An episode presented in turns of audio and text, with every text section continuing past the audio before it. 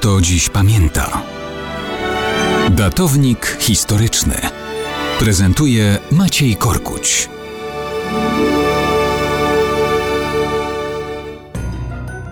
Mało kto dziś pamięta o Kacprze Bogaczu, urodzonym w roku 1840 w miejscowości Siedliska koło Miechowa.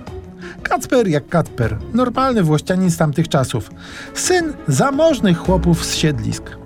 Tak naprawdę to nie nazywał się Bogacz, tylko Stachowicz, ale kiedy dorósł, powiedziano mu, że jest inaczej niż myśli on i jego rodzice. Jak to było, objaśnia nam księga cmentarna z Miechowa. Prawdziwe jego nazwisko brzmi Stachowicz, a zmiana nazwiska była zawiniona przez chrzestnych.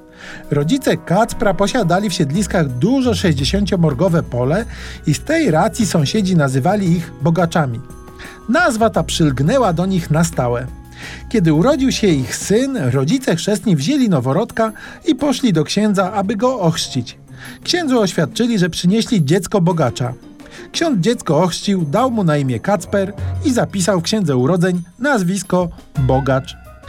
O tym, że Kacper nazywa się Bogacz, rodzice nie mieli najmniejszego pojęcia.